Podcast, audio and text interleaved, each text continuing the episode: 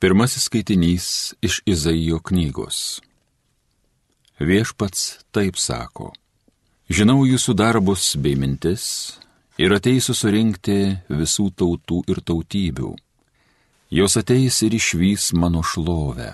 Tarp jų pastatysiu ženklą ir pasiūsiu tau tautos išgelbėtoje į Taršišą, Pulą ir Ludą, Mechą ir Rošą, Tubalą ir Javaną ir į tolimasias salas, pas tuos, kurie nieko apie mane dar nėra girdėję ir mano šlovės dar nėra regėję. Jis kelbs tautose mano šlovę. Visus jūsų brolius jie pargabens iš visų tautų, kaip atnaša viešpačiui, arkliais ir vežimais, neštuvais, mulais ir kupranugariais. Atgabens juos Jeruzalėn į mano šventąjį kalną, sako viešpats kaip izraelitai gabena į viešpaties namus savo atnašas švariuose induose. Taip pat ir aš iš jų imsiu kunigų bei levitų, sako viešpats. Tai Dievo žodis.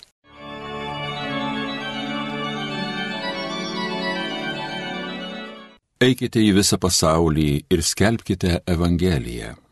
Garbinkite viešpatį visos tautos, šlovinkite jį visos šalys, Eikite į visą pasaulį ir skelbkite Evangeliją. Jo gailestingumas tikrai begalinis, savo pažadams jis ištikimas per amžius. Eikite į visą pasaulį ir skelbkite Evangeliją.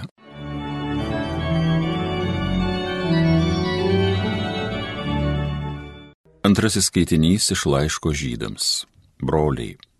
Nejaugi būsite užmiršę paguodo žodžius, kurie pasakyti jums kaip sūnums Mano sūnau, nepaniekink viešpaties drausmės ir nenusimink jo baramas, nes Dievas griežtai auklėja, ką myli, ir plaka kiekvieną sūnų, kurį priglaudžia. Jums reikia pakentėti dėl drausmės. Dievas elgesi su jumis kaip su sūnumis, o kuriogi sūnaus Dievas griežtai neauklėja. Beje, kiekviena auklyba tam kartu atrodo nelinksma, o karti bet vėliau jie atneš taikingų teismo vaisių auklėtiniams. Todėl pakelkite nuleistas rankas, ištieskite pasilpusius kelius ir vaikščiokite, palikdami tiesius pėtsakus, kad kas luoša neišnirtų, bet verčiau sugytų. Tai Dievo žodis. Alleluja.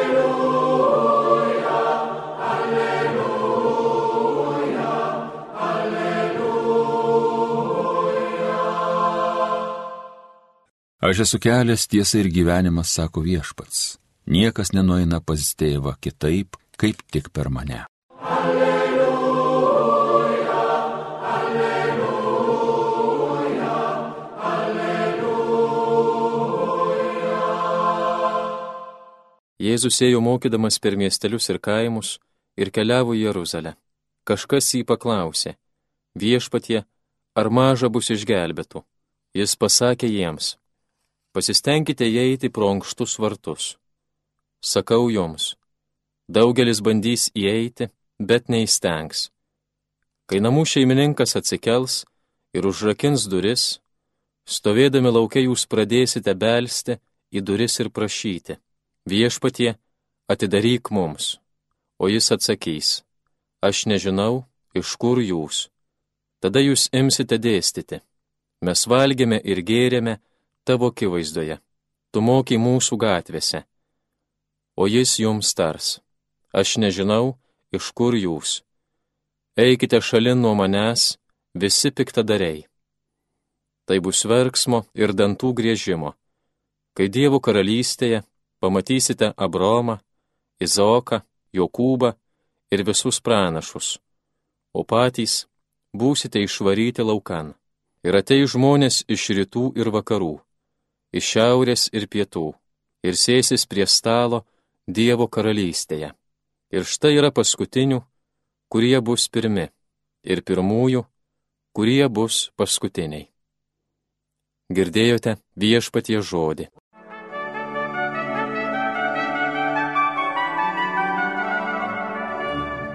Mėly Marijos radio klausytojai, šiandien Dievas ypatingai drąsina mus. Ragina nenusigasti sunkumų. Laiškė žydams skamba pagodo žodžiai. Gal kai kam atrodys keisti tie pagodo žodžiai. Dievas griežtai auklėja tą, ką myli ir plaka kiekvieną, kuri priglaudžia. Bet tęsdamas toliau aš noriu jūsų paklausti. Ar jums teko kada pamatyti Dievą? Jūs be abejo visi atsakysite remdamiesi šventuoju raštu. Niekas ir niekada nėra matęs Dievo. Bet štai ką sako šventasis apaštaus Paulius.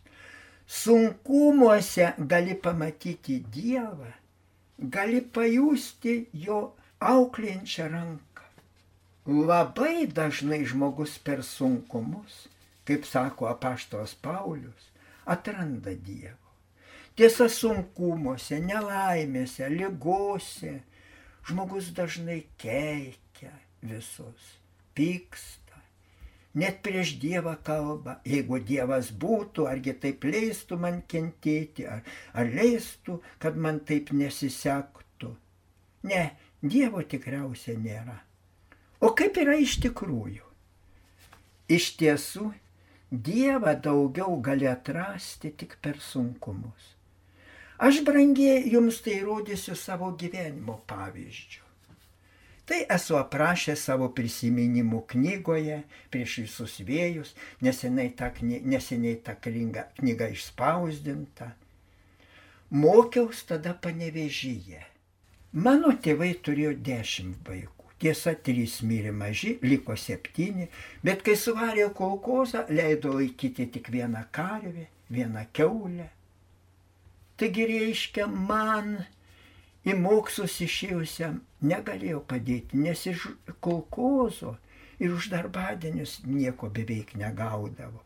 Aš gavau stipendiją 14 rublių mėnesiui. 5 rublius turėjau sumokėti, kad kas primdavo pagyventi ant kambario kartu su kitais. Ir buvo, ne kartą buvo taip atsitikę, kad tiesiog ar savaitę, ar, ar kelias dienas buvo visai nevalgęs. O buvau paauglys. Ir man, kaip va mano minėtiems žmonėms, kilo protestas. Dieve, ko gero tavęs nėra, kad mane taip vis lankiusi bažnyčia, taip svajojusi, kad kada nors būsiu kunigu. Tu taip mane Dieve apleidai. Ko gero tavęs nėra ir einu aš per centrinę Panevežio aikštę. Ji dabar vadinasi Laisvės aikštė, o tada nežinau, ar buvo Stalino aikštė, ar Lenino. Ir stovi ledų kioskas. Ir prie to kiosko eilutė žmonių. Kad žinotumėt, koks mane apėmė piktumas. O kokie niekšai Jie ėda ledus, o nemato, kad kitas žmogus vos nemiršta iš bado. Ir aš dairiaus.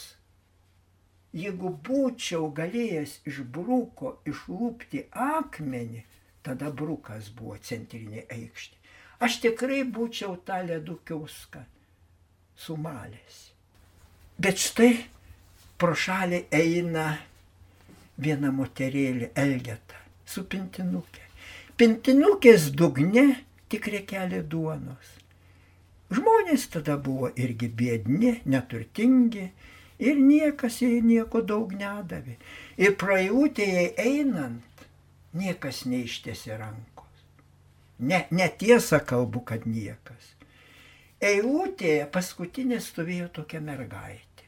Staiga toji mergaitė pribėgo prie tos moterėlės ir kiek rankoje turėjo kapeikų, visas subėrė jai į pintinėlę. Aš žiūriu tą mergaitę ant kaklo, grandinėlę pasikabinusi į kryželį. Ir mane lyg nudegino ugnis. Jonai, argi tas kryželis nerodo, kad įtikintis? Argi tau nerodo, kad visi tikrieji tikintis taip turi elgtis? Ir argi tu neturi atgaivinti savo tikėjimo, kad kada nors taptum kunigu, juk nuo vaikystės svajojai. Argi toji mergaitė nerodo tau, kaip tu turi eiti per gyvenimą.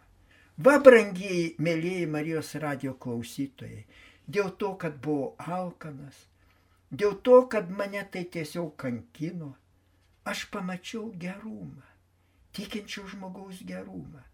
Ir tai iš naujo pašaukė mane rodyti žmonėms, kada nors rodyti Dievą. O jei nebūčiau buvęs alkanas, argi būčiau pastebėjęs tai? Ar kas nors būtų mane taip sukrėtę, pakeitę? Matot, brangiai, kaip reikalingi sunkumai, vargai. Kaip mes neturime nusigasti ištikti sunkumų. Atsiminkime, atsiminkime visi. Sunkumai, vargai labiausiai ugdo žmogų, labiausiai daro jį ištvermingą. Ir labiausiai tada nušvinta tikėjimas. Dar apie vieną liūdėjimą galiu iš savo melioracijos darbų papasakoti. Vienas jaunuolis nuoširdžiai draugavo su mergina, ruošėsi tuoktis, bet jį pakvietė į kariuomenę. Ir jis išvažiavo. Bet iš Vilniaus ėmė jį ir paleido. Ir jis parvažiuoja į savo miestelį traukiniu, rytui auštant. Ir skuba pas savo mergaitę, kad pasišnekėtų. Ir įsivaizduokit, atidaro kambarį, o jį guli apsikabinusi su kažkokiu vyru. Ta mano mokslo draugą, darbo draugą, darbų vykdytoją, taip sukrėtė tas jo mylimos mergaitės pasielgimas, kad jis nutarė pasikarti. Vaikšto po miestelį, gal eis į kokią daržinę, pasikars, bet tada ryte visi pradėjo vedžioti karvės į ganyklas. Ir žiūri, burelį žmonių išeina iš bažnyčios. O gerai, bažnyčią pasikarsiu. Ėjo į bažnyčią, atsistojo prie durų. Žmonės jau išėjo tik prie grotelių klūpi dar viena mergaitė. Ir jis laukia, vis tiek išeis. Laukia, laukia keliolika minučių, o ji vis meldžiasi. Jis man pasakojo, per širdį ėmė eiti kažkokia šiluma. Ir aš galvoju, juk matai, ne visos mergos yra šliundros. Ši, kuri taip klūpi, taip meldžiasi, nepadarys taip, kaip tavo mylimoji padarė. Ir jis nutarė gyventi. Ir surado labai tikinčią merginą, su kuria apsivedė, dabar žinau, kad turėjo keturis vaikus. Matot, brangieji, ne žodžio nepasakius kitam galima parodyti Dievą. Galima parodyti teisingą gyvenimo kelią. Galima net išgelbėti žmogų, jei tu tikrai meldiesi. Ir linkiu, linkiu dabar jums, mėly Marijos radio klausytojai, būti tikėjimo, tikro tikėjimo rodytojais, liūdėtojais. O kodėl kartai žmonės nemato Dievo, jo veikimo? Kodėl kai kurie žmonės nemato? Ogi dėl to, brangiai, jeigu žmonės trokšta tik malonumų, tik turtų, tik savo naudos, jie kaip taisyklė nemato Dievo veikimo. Tad pamastykime, mėly Marijos radio klausytojai, kągi mes matome pasaulyje į Niujorką pas pažįstamą Amerikoje atvyksta vienas indienas. Eina jie abu gatvė. Aštuonėm eilėm važiuoja mašinos, tramvajai. Indienas taiga sustoja ir sako, klausyk, žiogas čiulba. Girdėjai?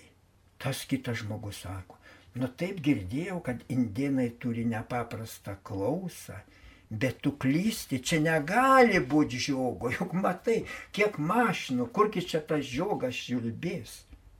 Tas indienas parodė, žiūrėk, ant namo auga vijoklis prie sienos.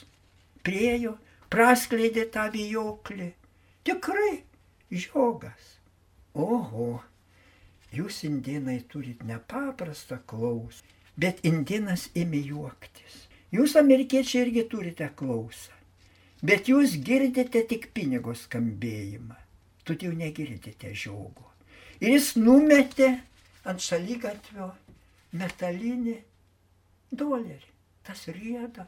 Keli žmonės atsisuko, tą riedantį dolerį prispaudė, kad nenurėdėtų kažkur. Taigi jūs girdite tik pinigų skambėjimą. Daug ką jūs girdite ir matote kitaip negu normalų žmonės. Jūs trokštate turtų, bet numojate ranką į dvasę. Problemuose, sunkumuose jūs ieškote ramybės alkoholio, narkotikų pagalba. Oho, koks tirpiklis, koks baisus tirpiklis tas alkoholis. Jis tirpdo daugą - draugystę, meilę, šeimą, darbo vietą, kepenis, smegenis, bet tik ne problemas. Problemų netirpdo, o problemas jūs galite įveikti tik ieškodami visokiuose sunkumuose. Ir ne tik sunkumuose, ir kasdien savo gyvenime maldoje ieškodami Dievo, nuot melsdamėsi. Argi nenuostabi to indieno pamoka mums visiems. Amen.